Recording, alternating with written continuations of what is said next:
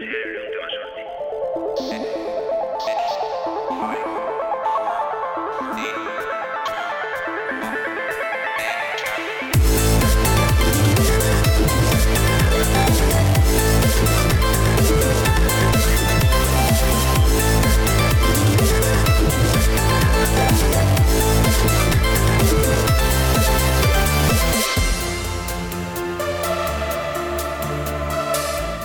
Denbora tunel batean sartuta baina bezala, e, aprobetsatuko dugu hasierako tartetxo hau, sarean sareko hasierako tartetxo hau, komentatzeko pasaden programan e, pendiente utzi genuen e, berri bat, grabaketa hau, e, zuzenean Twitchen e, emititzen ari dugu, grabatzen ari dugun momentuan, baino duela bihazte ezin genuen hori egin, Borja Arbosa, eh, arazoak izan genituelako, ezta?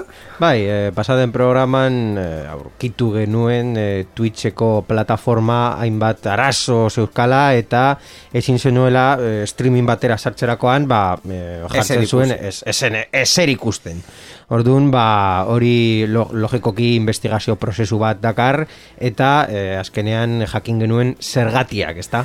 Bai, eh, jakin genuen zergatiak eta zergati oso oso grabeak dira e, epaitegi batek e, e, baimena eman dio enpresa bati telefonika servicios audiovisuales e, e, zenbait eskubide daukan enpresa eskubide ikusentzunezko eskubideak dituen enpresa bati e, au, aukera eman zion opera gaiuei zuzenean e, bidaltzeko e, elbide batzuk eta elbide horiek operadoreak zuzenean e, ordu erdiko tartean blokeatzeko. Elbide horien artean zegoen Twitchen e, emititzen ari zuen e, e, eduki babestuen e, bueno, eduki bat e, ba URL bat. Ordun hori blokeatzean blokeatu zuten Twitchen e, emisio guztiak. Entonces inork es, ezin zuen e, streaming bat ikusi. Bidale bai bidale alzenuen baina Espainiakoek ezin zuten eser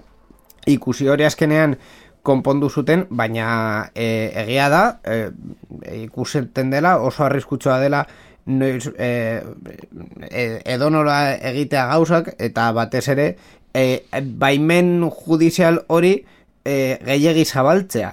Arazoak sort e, ditzakeelako. Ni, ni beste galdera bat dauka. Hor, e, gertatzerakoan, nork ordaitzen du kalteak? Eh, indemnizazioa eh, hor eh, ordaindu kalteak. Bai bai zeren eta hor eh, Twitch lehenena lehena da bere webgunea Espainian eh, uste izan zela Espainian bakarrik ez erabiltzerakoan galtzen du logikoki jendea galtzen du publizitate diru sarrerak eta baita ere hor eh, edukiak sortzen dituzten eh, edozein erabiltzaile ez da ere eh, ezin izan duela bere kanala monetizatu denbora horretan nork ordaintzen dio denbora hori zerbitzaria Hor, hor, bai, bai, baina, baina hori errealitate, legalki errealitate bat da. Hori da, zuk e, autorizazio administratibo bat e, e, epaitegi batetik pasatu ez dena, e, lortzen baduzu, hor, e, nor, no, noren errua da hori. Administrazioarena, epaitegiak ematen badizu, ba noski eh, hor garantia batzuk daude, hor zu jarri behar duzu garantia bat ekonomikoa zerbait gertatzen bada, ba noski horrekin ordaintzeko kalteak, baina kasu honetan administrazioari eskatuko diozu bai, e, sorte hon. Epaitegiei e, sortzeile guztiek esango diote, eske bueno, bai, dirua galdu dut, Twitch eh, ezin zelako e, ikusi egun batean edo estean uste dute zetz Horre jendeak, jendeaz daki, baina zu epaitegi batetara juten bazara hor neurri provisional bat eskatzeko, horrenako neurri provisional bat eskatzeko, zu hor diru aurretik jarri behar duzu, kalteak ordaintzeko zerbait e, txarto gertatzen bada edo azkenean ez bazen berein errua. Eta hori administrazioan ez da gertatzen edo bai.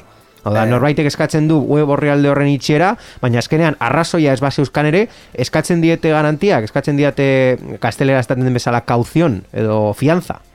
Ze galdera ona, Borja, ah. ze galdera ona.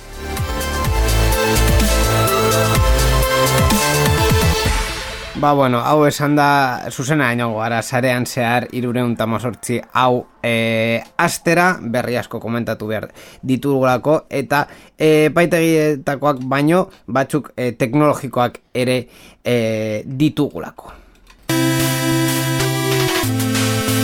Sarean zearen parte hartu nahi duzu? Gure berriak iruzkin du? Ekitaldi bat kontatu? Gure hankasartzeak kritikatu? Erantzuna positiboa bada, bidali ezazu e-mail bat. Info abildua sareanzear.eus Gure WhatsAppa 6 sortzi sortzi 6 sortzi 00 sortzi bederatzi da. Telegram ere daukagu, 6 sortzi sortzi 6 sortzi 00 sortzi bederatzi. Gure Twitter eta Facebookeko profiletan idatzi dezakezu ere. Eta ez ahaztu gure asteko agenda. Informazio guztia sareanzear.eus webgunean. Zuen mezuak itxaroten ari ditugu. Ah, bai? Bai.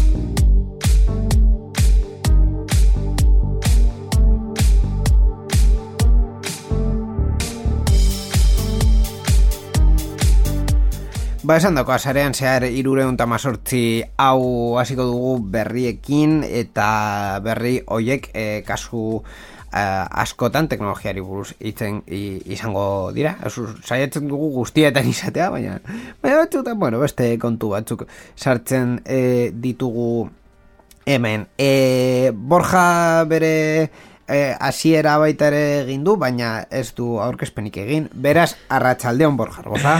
Arratxaldeon inigo.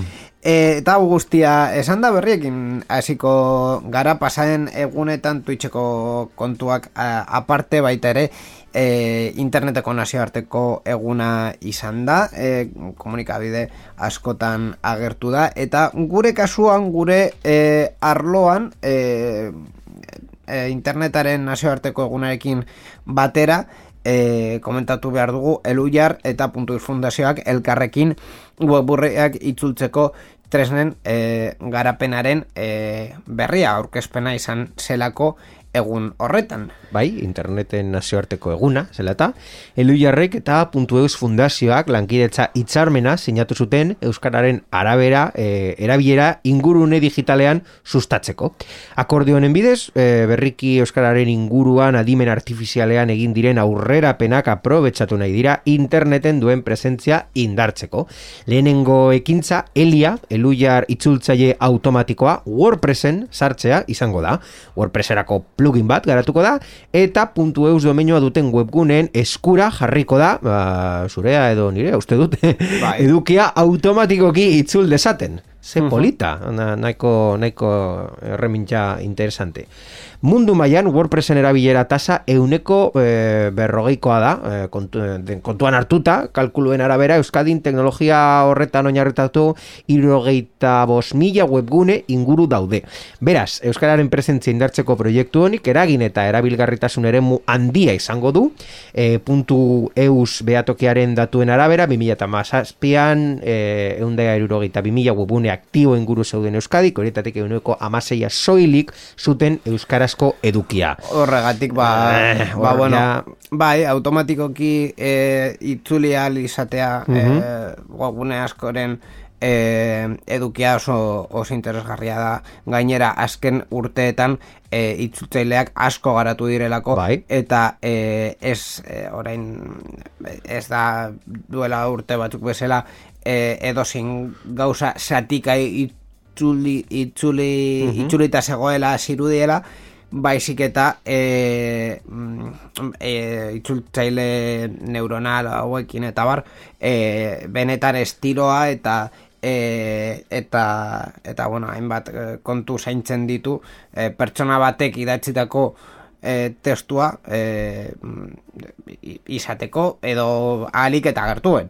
Badakizuk ez duzula gustoko irratiaren sekretuak asko kontatzea, baina esan behar dugu e, A- a- elujar, konkretuki, elujaren itzultzailea, itzultzaile neuronala, eta hoi guzti, e, uste du programa honen kalitatea zorrarazi diola asko. Bai, e, bueno, hau nire lanean baita ere komentatu dugu azken, azken egunetan. E, orain e, martxan dagoen e, e, Eusko Jarloritzak beren egunean e, martxan jarri zuen iltzutzaile neuronala nabaritzen da e, ba hori e, o, asko zaintzen duela e, estiloa eta eta nabaritzen da baita e, artikulu periodistikoak hart, hartu dituztela oinarri bezala Mhm. edozin berria e, jartzen diozunean e, horrelako estiloa ematen diolako e, baina edozin testua itzultzeko ere oso erabilgarria da e, azkenean ez duelako bakarrik e, hitzak hartzen, baizik eta testu ingurua ere hartzen du eta e, benetan e, itzultzailea erabilita lau birpasukin e, testu oso e, kompletua eta oso oso ona izan dezakezu edozein lekutan argitaratzeko. Ba, bueno, bai, e, gomendatzea. Azkenen guztiok ez daukagu e, euskera mail berdina hemen e, argi geratzen da irratsaio bat egiten dugula baina e, batzutan ez dakigu gauza batzuk nola esan euskeraz zuzenean eta bueno e, bakoitza bere euskera ere erabiltzen e, duela e, baina bueno guztiok e, e, ulertzeko e, kontu berdinak oso erabilgarria da horrelako erramintak e, erabiltzea. Bueno, eta eta maila izan da nahiko denbora aurrezten du honelako erremintak erabiltzea, hau da, ez da berdina, zuk tekstuak izatea gazteleraz, eta programa honetan tekst, gazteleraz egindako testuekin lan egiten dugu, zen eta gure gure iturriak e, iaia beti gazteleraz daude, eta orain Bai. dela urte asko, ba, programarekin hasi genuenean, bueno, hasi zenuenean zu eta gero ni, Bai. e, berriak hartu behar genituen gazteleraz eta pasatu ahal gen, genuen momentu edo lekuetan eta momentu horretan e, erabiltzen genuen eluiar batez ere hitz zaiekin edo ezin genuen hitzekin. Ba, gure gure e, kapasitate pertsonala ezin Gure- zuen gure azkenean lekuan. Gure hiztegia hobetzeko. mugatua da. bai gure hiztegia muge- mugatua zen eta e, erabiltzen genuen. Eta ja e, eluiarreko er, e, tresna hau e, itzultzaile neuronalara pasatu zen momentua gurerako izan zen buah, e, pila denbora e, aurresten zuen zen eta ja berria guztiz pasatzen zuen nahiko kalitate mm, onarekin agian zu mm, berrira kurri behar zenun e, emaitza eta hor ikusi nola esango zenuen edo beto edo edo txarrago azkenengo toke bat ematen zenion baina ja ez zen berdina. Eta web orrialdekin berdina esan behar da e, web orrialde guztia itzultzeko egin behar zenuen testu e, formatuan e, pasatu pizkanaka pizkanaka zure hitzekin gero eta ja e, itzultzailea erabiliz ba, agian mm, azkenengo tokea eman alzenuen eta ja orain aldrebez da. Pasatzen duzu testu guztia itzultzaile neuronarekin eta zuk ematen diozu azken toke hori irakurtzerakoan ea zentzua ikusten diozun azkenengo e, e, emaitza horri, orduan ja mm, azkenean e, horrelako tresnak e, garatzea eta erabiltzea e, oso oso puntu oso puntu polita eta eta erabilgarria uste dut izango dela mm, euskerarekin kudeatzen diren pertsona askorentzat. Honi buruz hitz egiten ere, e, horra kuriositate bezala EITB-ko webgunean sartu naiz ikusteko zer argitaratu duten azken egunetan. Bai. E, niretzat mm, pertsonak uste dut e, EITB-k e, berri teknologiko gutxi e, argitaratzen dituela, baina bueno, egia da kapasitate mugatua daukatela eta hainbat arlo e, estali behar e, dituztela eta e, topatu dituen berrien artean e, ikusi dut ere e, Eusko Jaurlaritzak aurkeztu duela duela e, egun gutxi Euskara ingurune digitalaren gomendioak urrengo lau urtetarako 2021 bat 2024 lau eta haien artean bueno, hitz asko eta kontu asko daude baina e, ekimen e, e, e, hogeita lau ekintza proposatzen ditu testu hau haien artean e, Euskarazko Wikipedia eta Txikipedia sustatzea Mhm. oso interesgarria dela gainera aurten e, e, uste dut e, abenduan izango dela hogei urte beteko dituela Euskarazko Wikipedia, gaztelaniazko Wikipedia duela gutxi ere hogei urte bete de, dituen bezala eta bueno, e, e, rekurtso hori izatea euskeraz e, interneten eta administrazio publikoak sustatuta e, oso interesgarria eta oso baliagarria izango litzateke. Bai, bai, noski. Ba, uste du ja ez daukagula eser gehiago kontatzeko Bueno, arlo honetan, ez da? Bueno, ez dakit. Eh, te, baita ere Bueno. sartu naiz teknologia arloan e, eitb.euseko goberrean eta, bueno, ez, mm, agian ez, ez, ez, ez dago... Claro, ko- kontuak eh, aur- argitaratzen dira hor, baina gehi, gehien bat eh, sarean.eus eh, Mhm. irratsaioaren eh, edukiak, orduan, Bai. audiozko edukiak direnak, Mhm. eta baita nola ditzen da programak, Teknopolis programaren eh, edukiak niri eh, pertsonaki falta zait eh, ikustea gazteran esko pertsona ez, daukate eh, te, teknologia asko berri gehiagirik ere baina tartea daukate tartetxo bat daukate hor eh, batez ere mm, eh, ba hori, eh, Teknopolis programaren edukia, baina bez, pizka bat dago falta zaitu webune honetan. E, begira, e, Euskal Produktui buruz hitz egiten ere ikusi dut e, ez, uste, bueno, e, komentatuko dugula ziur e, gaizkarekin gero datorrela e, bideojokei buruz hitz egiteko, baina argitaratu da azken egunetan e, Itadaki Smash Mhm. e, bideojokoa PlayStationen e, Main Loop Bilboko estudioa e, e, programatu duela eta Relevo Games e, argitaratu duela ere Bilbokoak diren, eh, ba bueno, hor e, erreferentzia e, ya está. Kontatuko diogu eskari. Bai, bueno, bere kontatuko digu ziurrenik gu kontatu baino.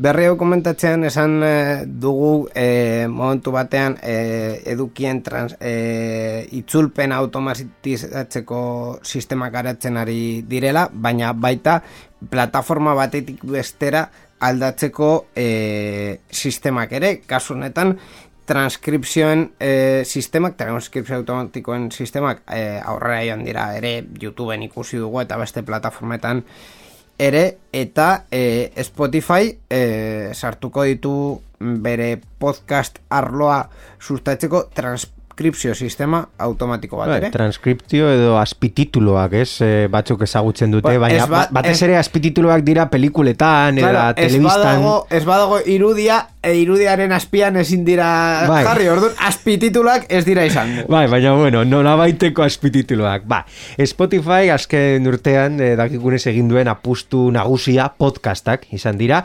Streaming bidezko musika plataforma, batez ere streaming bidezko audio plataforma bat da, podcasten etorrera baita ere garrantziarekin. Ordun e, merkatu gehiago lortzeko aleginean Spotify funtzionalitate berriak iragarri ditu, ala nola podcasten atalak automatikoki transkribatzea. Konpainiak hiru erabilgarrestasun funtzio iragarri ditu azken orduetan funtzioien artean aipagarriana behar bada, ba, transkrip, tra, eh, transkri, ba, badakizu zergatik azpitituloak transkripzio esatea oso, oso, Oso oso zaila delako, bai.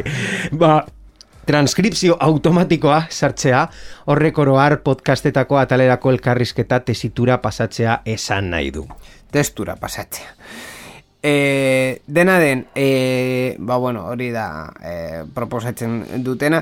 Baita ere, e, integratuko dute Storytel e, zerbitzuaren kataloga Storytel azkenean e, audiolibroak egiten, audioliburuak egiten e, dituztela eta e, urtearen amaiera baino lehen Storytelen e, egin duten elkartearen e, e, elkartearen e, arabera ba, sartuko dute Mhm. e, Storyteleko edukiak e, Spotifyn.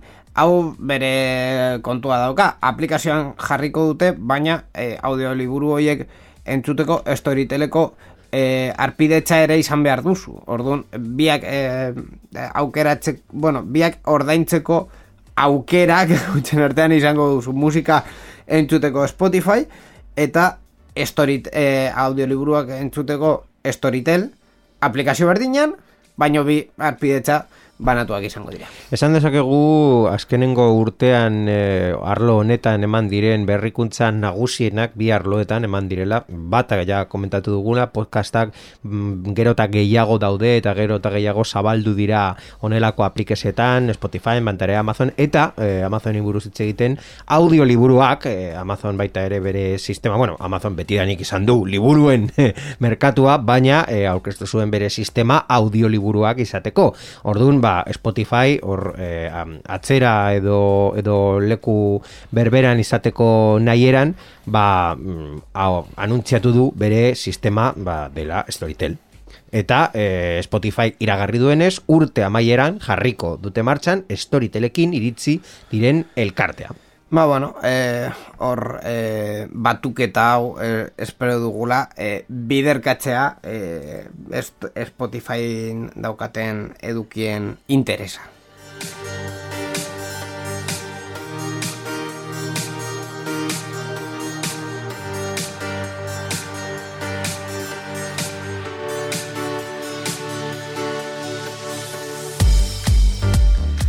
Arlos eh, aldatuz, eh, teknologian ere, eh, bueno, azken urtetan eh, aldaketak izan dituzten eh, formatuak izan dira ekitaldien formatuak, ekitaldi presentzialen formatuak, eta kasu honetan azken bi astetan bi ekitaldien berri izan dugu, eh, IFA eta Mobile World Congress, bata Berlinekoa eta bestea Bartzelonakoa, bata jarraituko duena, eta bestea eh, ez. Imaginatu zein jarraituko du eta zein ez. Bueno. Ba, IFA 2000 eta hogeita batek eh, hilabete bat irondu. Joan den apirilean Berlingo teknologia ekitaldi handiak iraiaren lehen astean fizikoki egiteko asmoa iragarri zuen, baina jakin dugu azkenengo astean IFAko antolatzaileek iragarri dutela formatu virtualera itzuliko direla pandemiaren ziurgabetasunak direla eta. IFAren erabakiak Europako teknologia ekitaldirik handiena, zalantza gehiago, gehitzen dizkio, Bartzelonako Mobile World Congressi izan ere baja ezberdinak izan arren, fizikoki ospatzeko erabakia mantentzen duelako. Samsung, Lenovo, Nokia eta Ericsson konpainiak ez dute ekitaldi horietan parte hartuko, baina ala ere beraiek esaten dute, palante, como lo de Alicante. Bai, hori da, e, Mobile Congress 2000 eta hogeita bateko ekitaldi fizikorik handiena e, izan, e, izango dela esan du John Hoffman, GSMako e, presidenteak, e, irur, i, e, barkatu, hogeita mar mila sarrera eskainiko dituzte bertara joateko e, presentzialki guneko e, herri- herritar guztiei, publiko profesionalaz gain. Hau da, aurten egongo da batetik egun profesionalak eta bestetik e, egun i- irekiak beste asoketan egiten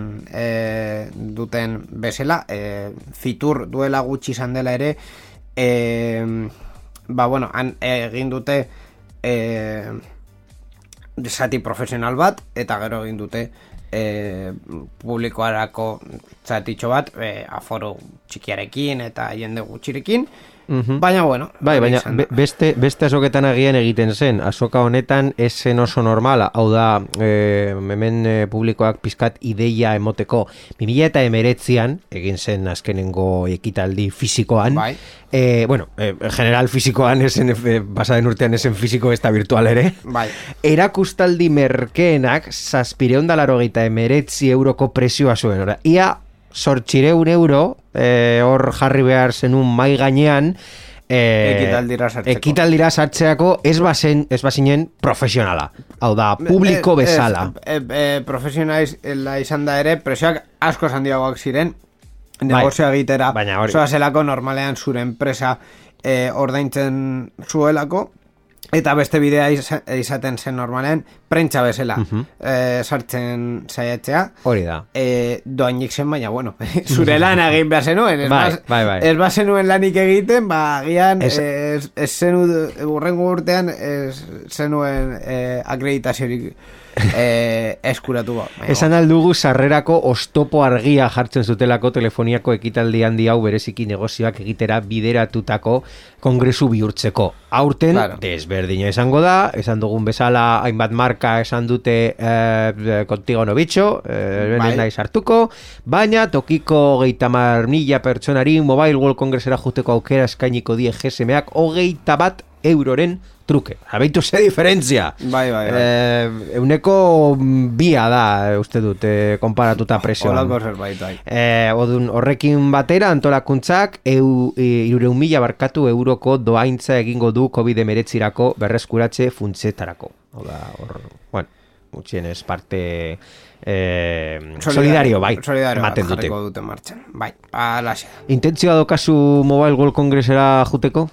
Eh, no- no- no- Noiz da, noiz da gure azken programa? Eh, ez begiratu ez garelako joango gure azken programa Eh, Bai, be- imagina eh, iru, honekin hiru programa geratzen zaizkigula Ba, hilabete barru Eh, justu, justu, eh? Uste dut gure azken programa hogeita saspi, ekainaren hogeita saspian emoten da, eta hasiko da ekainaren hogeita sortzian.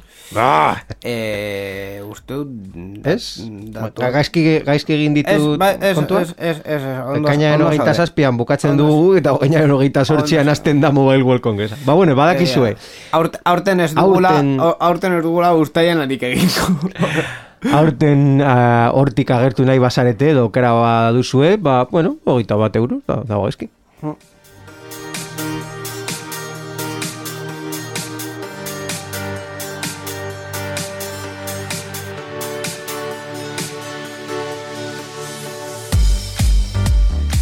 Borja, nik uste dut beste berri batzuk aukeratu ditu dela, isa sistema honi buruz ez, ez nuelako eh, hitzein nahi, baina bueno, hemen zu gidoian jarri duzu eta jo sé, Bueno, koment- komentatuko dugu. Inkesta, baina- inkesta eskar bat egin aldugu aberria nire nire txumena gaizki geratu dut. Internet Explorer buru hitz egin nahi duzu? eh, Internet Explorer 2022an kenduko duela Microsoft, Bai. eh, berreskarrentzako. Ui, ba, ez, da, ez da sartuko ez da. Ez da sartu, bai. Ez da sartu berri eskarretan. Zer gehiago zer zeneukan. gehiago geneukagun. Eh, Google denda fisiko bat eh, irekiko duela mm, New Yorken. Bueno, eh, zer gehiago eh, agentzia, Europako agentzia espaziala satelite sare bat eraikiko duela ilargian. Ne. Eh, Ez que ni eh, ar- aeroespazialitatearen fan ez nahi. Eu- Europar batasunak ja onartu duela COVID deko sertifikatu digitala eh, eta sartuko Hori, hori berreskarrentzako baita, baina Ah, ez dugu sartu. Bi, bi lerrotan eh, azkenean Eh. se, se egin Eke zegoen ezer gehiago. Ez zegoen ezer gehiago. Eh, Nahi, nahi baduzu Europar batasunaren berriaren sintonia sartu eta komentatu aldugu zertxo bait. Ala, bueno, venga, zu eskatzen baduzu baietz esango dizut, kasualitatez musika bukatu denez ere, ba bueno, ba bueno, ja, sartuko dugu hemen eh, Europar batasunaren berria.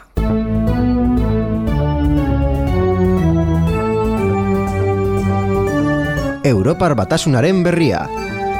Sarean zehar.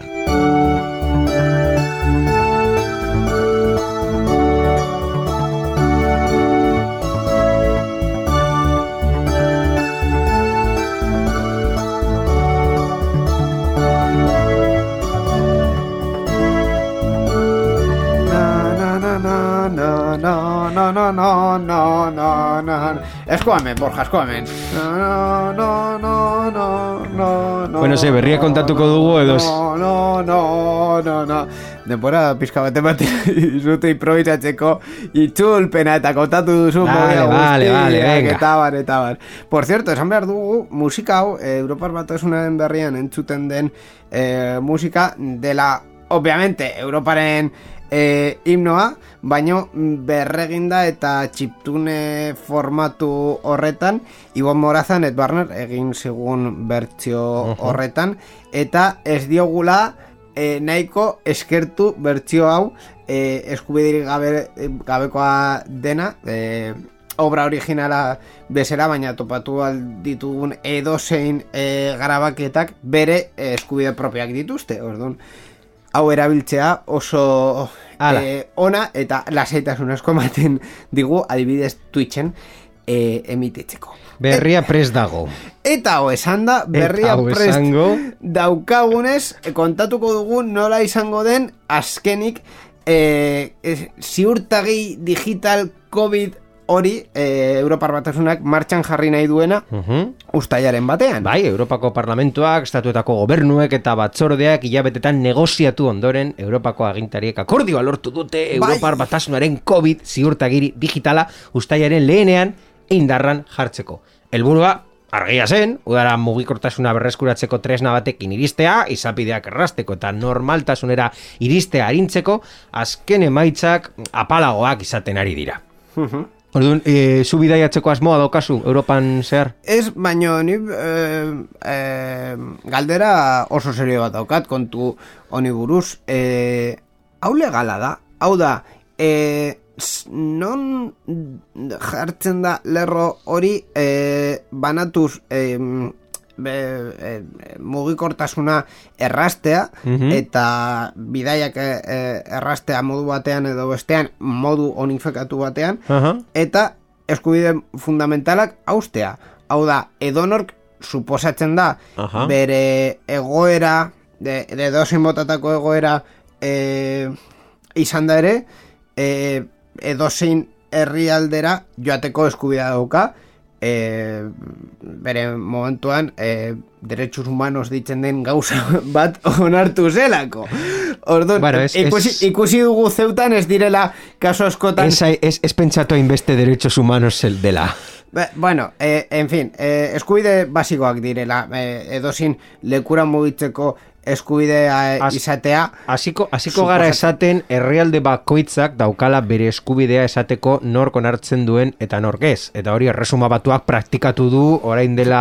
Azken hilabeteetan Brexita dela eta. E, asko eta asko. Eta en kasu honetan beste gobernuekin ez dakit, baina Espainiako gobernua daka kompetentzia esateko eh, gazteleraz entrada y salida del territorio nacional, es decir, nor ja, ateratzen eta nor sartzen den eh, Espainiarrek eh, hori da konstituzioan dagon eh, eskubide fundamental bat eh, sartzea eta eta ateratzea, baina ja eh, atzerrikoak eh, ez daukate eskubidea sartzera eta herrialde bakoitzak eh, jar dezake nor sartzen den eta ze ez eh, kondizioekin. Orduan, Vale. Be, gero ja Europar batasunak dauka eh, Schengen eh, esparrua Espazioa, bai. ba, mm, jakin dugun bezala edo zein her- herrialdera jun alzara eh, eh, bizitatzera edo lan egitera edo, edo zure ikasketak bukatzera edo Erasmus edo nahi desuna Edozin bete beharrek. baina printzipio. noski eh, akordio hori eh, hainbat eh, kondiziotara baita ere baldintzatzen du eta noski kondizio hau eh, gauza sanitarioak, epidemiologikoak, pandemia eta hori guztia.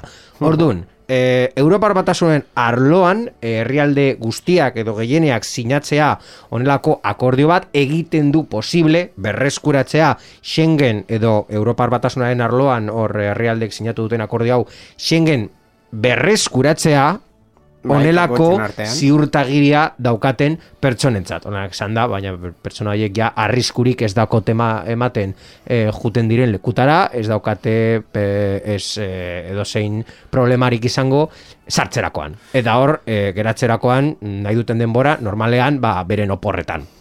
Vale, Zertan datza? e- e- egingo dizuet honen laburpena. Erantzun laburra, e, eskubide fundamentalak hausten ditu? Ez. Erantzun luzea. E, ez.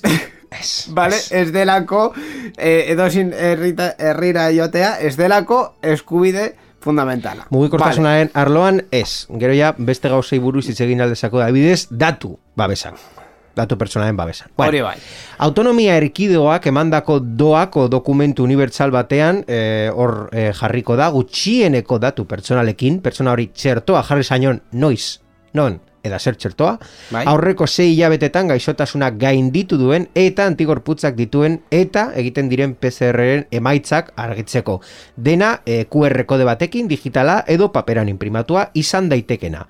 Amabi hilabetez funtzionatuko du, eta sendagaien Europako agentziak onartutako txertoak Pfizer, BioNTech, Moderna, AstraZeneca eta Janssen, eta, mo- momentu honetan, eta herrialde kideren batek bakarrik onartutakoa, Ungariak Sputnik e, Rusiarra, eta Sinopharm txerto txinatarra ere onartu dituzte. Barne, hartuko e, egongo dira.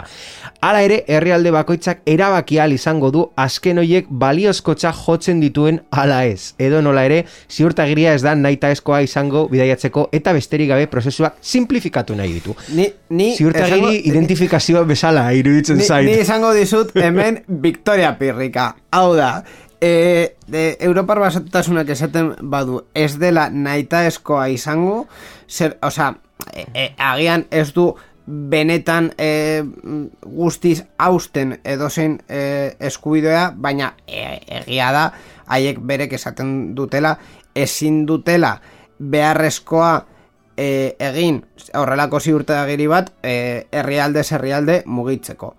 Mm, Horre, orduan, ba, bueno, e, horrela, horregatik esaten dizut Victoria Pirrika, ez dela e, guztikaren arrazoia daukadan, baina, baina, bueno, hau mugikorrean orduan izango izango dugu, eta e, kasu honetan Espainiako kasuan u- ulertzen dut, e, osasun e, sistemak banatuta daudenez e, autonomia erkidegotan haiek esango dira honen sarbidea emango dituztenak. Radar coviden e, kodeak bezala edo hainbeste egiten dituzten hainbeste gauzak. Bezala ba, herrialde bakoitzan bere osasun Bai. e, sistema e, Ez dugu, ez dugu botako gaztela esaten bezala las campanas al vuelo, egia da irizpide objektiboak egongo dira, baina badirudi testua kontu handiz idatzi dela estatuek baldintza hauek bete ahal izan ditzaten, Baskidei eta Europako batzordeari berrogeita sortzi orduko aurrerapenarekin jakinaraztea eta horiek esartzeko arrazoiak, hau da murrizketak, oner irizmena, iraupena eta ziurtagiriaren eramaileak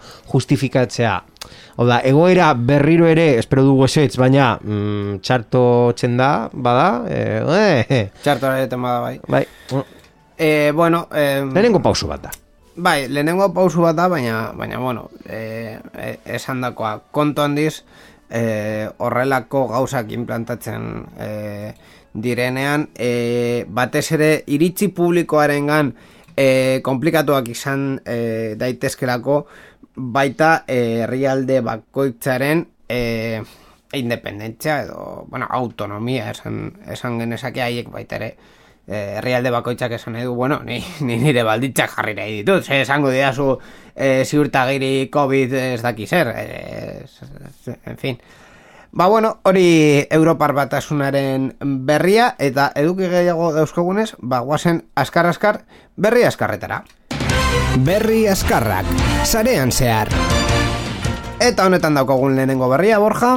Ba, Snapchatek realitate areagotu bere lehen betaurrekoak aurkeztu ditu be- bere iragazki eta objektu virtualak ingurune errealera eramateko. Bere diseinuan bosgora gailu esteroak, lau mikrofono, bi kamera eta ukimen panel bat dituen marko beltz handi baten erabilera mamarmeltzen da. Ukipen panelarekin erabiltzaileek nabigatu egin dezakete, eskura dagoen lentea edo beste aukera batzuk aldatzeko. Hori egitean, realitate areagotuaren efektua agertzen da eta erabiltzaileek arekin elkarrera egin dezakete. e, kontuz miopia kasue, e, realitate areagotua zuen e, bur, zuen kaltea ere areagotzen duelako. Urrengo berria borja. Dagoeneko, irumila milioi Android telefono baino gehiago daude aktibatuta munduan. Bai. Google I.O. 2000 eta hogeita bat, hau da, konpainiaren garatzaientzako konferentzia, astean egin zen e, iragarpena eta bertan iragarri zuten azken bi urteetan, 2000 eta emeretziko I.O.tik bosteun milioi gailu aktibo baino gehiago gehitu zitzaizkiela egungo irumila milioi horiei eta e, mila milioi bai bat, batu dituzte 2000 eta mazazpitik. Horren ondorioz Android sistema eragilaren erabiltzaileek baseak askunde oso bizkorra esan du. Sistema eragile horik e, ia ez zuen debuta egin 2000 eta ordutik bilakaera izan du eta modu ikaragarrian eginda ezagun. Esango dizut, eh, cupcake, donut, eclair, froyo, gingerbread, ice cream sandwich, jelly bean, Kit Kat, lollipop, marshmallow, nougat, oreo eta pai artean, irumila milioi dispositibo hauek daukatela diabetesa. Eta azkenik, Eta azkenik Googleekin jarraitzen dugu RSS Google Riddle kudeatzailea Chromeren barruan berspi, berpiztu delako Androidentzat. Google Chromeren azken bertzioan botoi berri bat esarriko da leio nagusiko doikuntzetan webgune bateko argitalpena jarraitzeko aukerarekin. Funtzean, Google Readerrekin egiten genuen gauza bera da, baina Chromeren barruan integratuta. Hori bai, badirude interfazea Google Discoveren oso antzekoa izateko diseinatutako diseinuta dagoela eta ez Google Reader zerbitzu zaharraren antzekoa. Hori bai, argi gutz dezagun enpresak esperimentutzat hartzen duela hori, hau da Google egiten duen guztia bezala, eta argi dago azken erabiltzaileen gana iritz daitekela, baina baliteke ez iristea ere, eta litekena da azken erabiltzaileen gana iristea handi gutxira Googleek bertan bera dezan Google Readerrekin egin zuen bezala.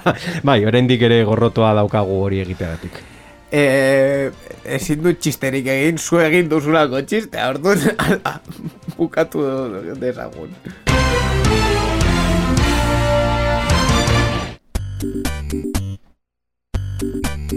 Titulol.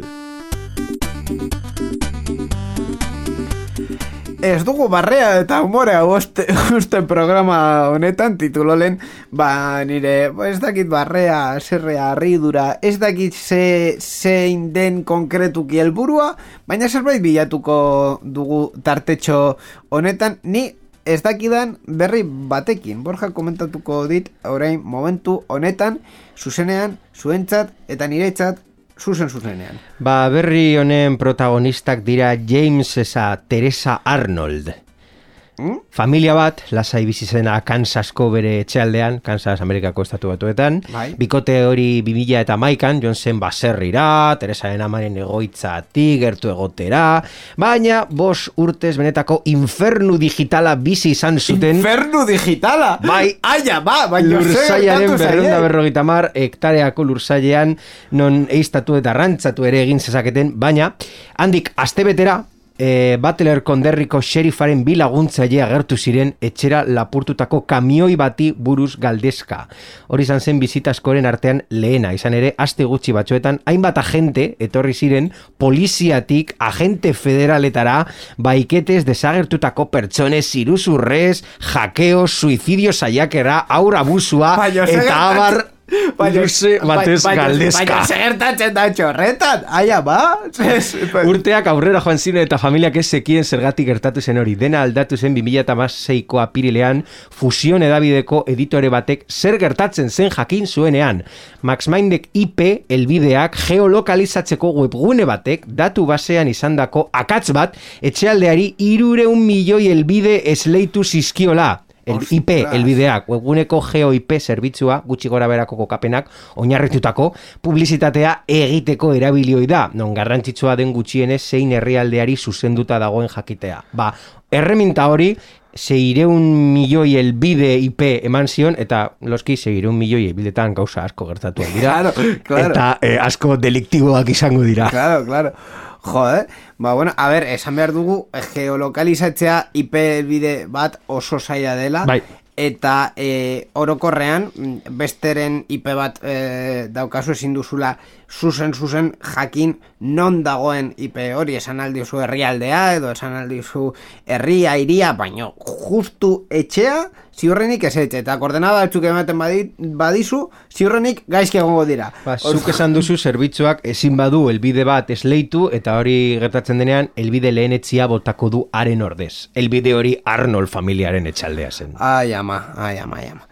Ba, bueno, eh, espero dugu Arnold familiari eser ez eh, gertatzea, eta espero dugu Borja zurire eser ez gertatzea, bi aste barru, gurekin ere eh, bat egin behar duzulako, eh, berri guzti hauek, bueno, berri, berriak komentatzeko. Berdina esango dut, entzungo gara urrengo programan.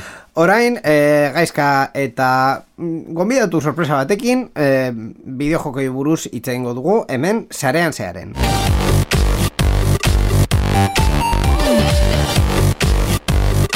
Sarean zehar. Podcast eta irratietan entzungo duzuen zatitxo honetan, aprobetsatuko dugu pausatxo musikal bat, egiteko musika pizka bat, jartzeko pasaden programan esan genuen bezala, duela asko ez genuela egiten eta kasu honetan Borja gurekin pizkatxo bat gehiago geratu da kontatzeko zer entzungo dugun eta zergatik. Bueno, batez ere entzungo dugu esian e, taldearen abesti bat, zen eta e, kontatu genuen bezala pasaden programan, esian e, 2000 eta seiko udan sortutako musika talde bat e, Nafarroan, 2000 eta hogeita bateko urtarrian e, anuntzatu zuen beren e, bukaera, eta Bai. ja, ja manatu zen, eta ba, betirako edo e, azken, azken, bere azkenengo kontzertua ja eman, eman zuten Bilbo urtarriaren bederatzean, eta ja, agur, eta mm, uste- dut e, zuta, zuta biok e, talde hau nahiko gustatzen zitzaigola eta mm, agian horregatik ba mm, omenaldi pizkatxo bat egitea ba ondo ondo ongo lirateke. Mhm. Ze abesti entzungo dugu kasu honetan? Ba, zerotik e, deitzen da, abestia, eta beraienen azkenengo single e, bezalakoa, 2000 eta amaseien e, publikatuta argitaratutako diskan e, hor hor aurkitu dezakezue. Mhm. ba, hor eh, entzungo dugu sakanako talde hau, e, esian urte honetan haien bidea bukatu dutela. Hau da esian, zerotik e, hemen sarean zearen.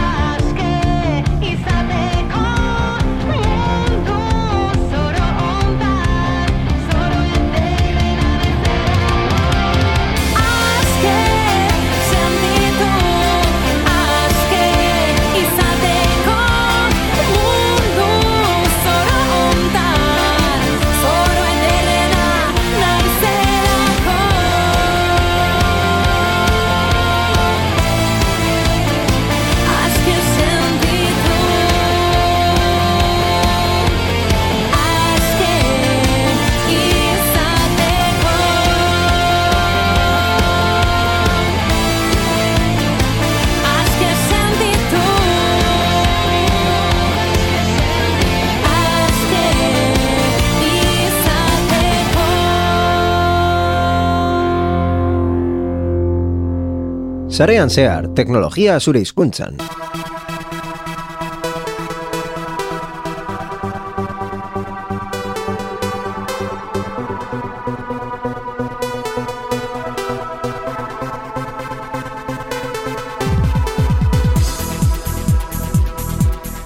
Sarean zenen jarraitzen dugu teknologiari buruz hitz egiten, baina puntu honetan e, gaiaz pizka bat aldatuko dugu eta bideojokoen mundura e, joango gara, e, beti bezala e, ba, gure e, etxeko e, espertuekin, espertuekin, bueno, e, adituekin, ez dakit.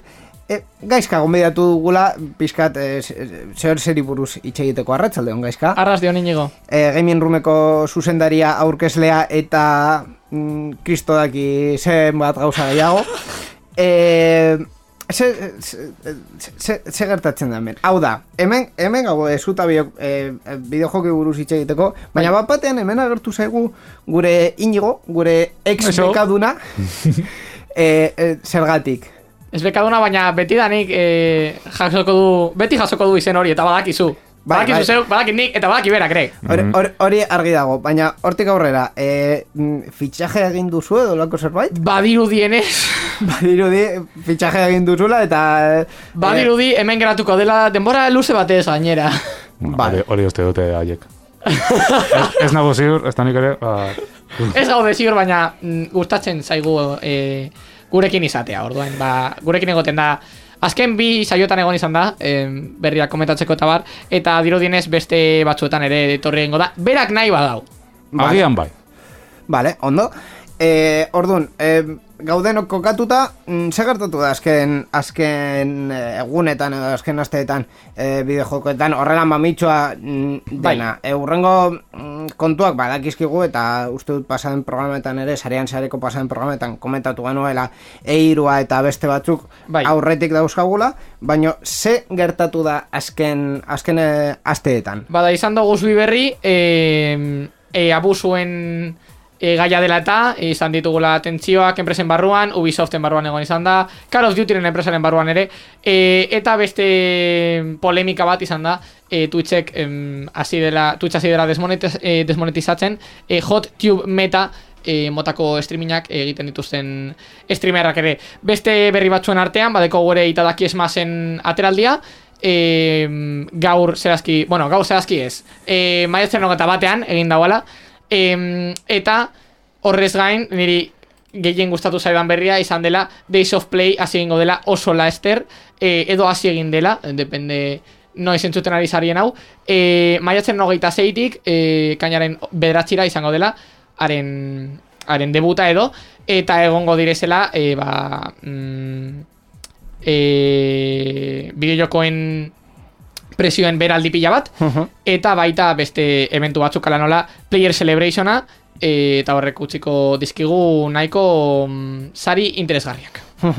Hemendik aurrera komentatu dugu eirua daukagula hortik, e, enpresa batzuk esan dute ez dutela aurkezpenik egingo eiruaren barruan, baina beste enpresa batzuk bai, eta e, aurkezpenak eta e, edukia espero dugu egun hoietarako, ezta? Egia esan bai, eiroa izango da urte honetan, e, kainaren amabitik amabostera, eta badaude bai, enpresa gero eta gehiago jausten ari direnak, e, eventu honetatik, ikusi dutelako azken urtean, e, ba, koronavirusaren arazoa izan dara eta, e, ikusi dute haiek egin alzituztela haien aurkezpenak, beraien partetik, eta eiroan parte hartu gabe, e, eta hortaz, e, jausten ari dira gero eta enpresa gehiago, em, ba, ekitaldi honetatik, baina eta guztiz ere jarritzen dugu, e, gure mamia izaten e, eventuan eta badaude hainbat enpresa aurgeratuko direnak. Eta naiz eta mm, egon edo ez ba, jarraitzen dugu izaten beti bezala mm, onlinearen e, gauza ona dela ikusi aldugula nahi duguna nahi dugunean e, zerbait berezia prestatzen nahi dugu eiru horretarako, ezta? bagara, ba, bagara bai e, gauza bereziak prestatzen. Egingo dugu e, kasteoa, kastina edo.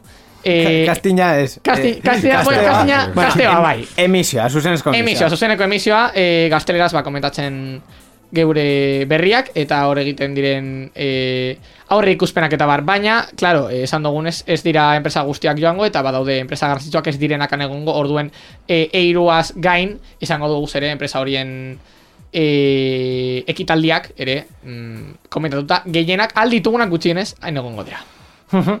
ba, hoiek izango dira eiruan e, gertatuko direnak, e, zuzenen ikusteko gure kasuan, e, twitch.tv marra euska digitalen, egongo, egongo gara hor online, bueno, egongo, bai, gara. Eta zarete. berriak jakiteko Twitterera jo.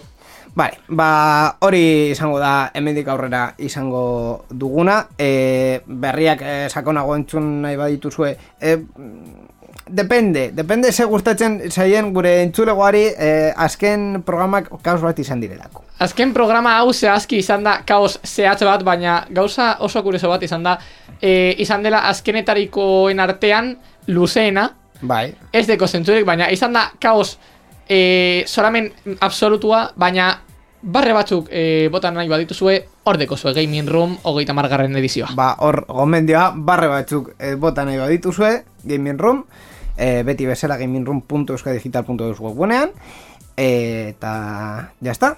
Eta ez deko goiagorik. Hori eiroaren berriak jakin nahi badozu ez, tu, e, twitter.com barra euskadigital edo twitter.com barra gaming room e, barra basua ed. Ba hor, e, gomendi hori e, kaineko data hoietarako. E, gaizka, ba, urrengo denboraldira arte, inigo ere, espero dugu, urrengo denboraldian ere e, zurekin topatzea e, saio batean edo bestean, bai sarean zearen bai e, gaming roomen, nahi duzuena, nahi duzunean, hau badakizu zure etxea dela, eta beste guztietarako, ba, Eusko Digital, eta zaren zehar, gaming room, eta gauzaiek, eskerrik asko gaizka, bat eta arte. urrengo arte. Irratsaio hau Creative Commons aitortu ez komertziala partekatu berdin lau puntu zero nazioarteko lizentziarekin banatzen da. Horrek esan nahi du gure edukiak nahi beste partekatu ditzazkezula. Informazio gehiago nahi baduzu josarean zehar.eus webgunera.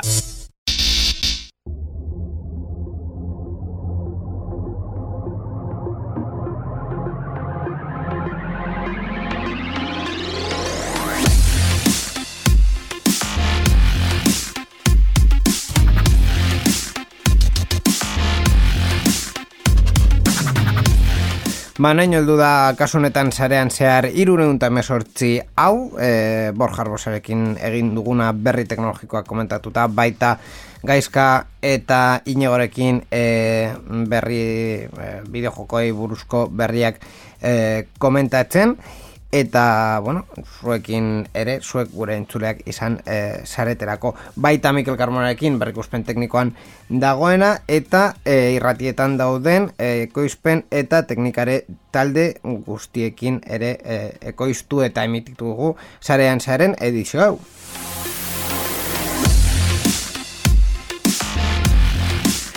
Gutxi geratzen zaigu denboraldia bukatzeko, e, ja bi programa hau e, bukatuta beste bi geratzen zaizkigu. Dena den, e, bueno, e, geratzen zaigun tartetxoa gozatuko dugu eta baita ere gure saioak e, azkenengoak e, entzune badituzue, gure webgunean sarean zehar.eusen daukazue baita, Twitterren gaude, sarean zehar, e, Facebooken ere, baina, bueno, ja, Facebooken, nor dago Facebooken, hori izango litzateke galdera. En fin, e, ba, hori, e, hor gaude Twitterren gurekin harremanetan jarri nahi e, basarete, sarean zehar.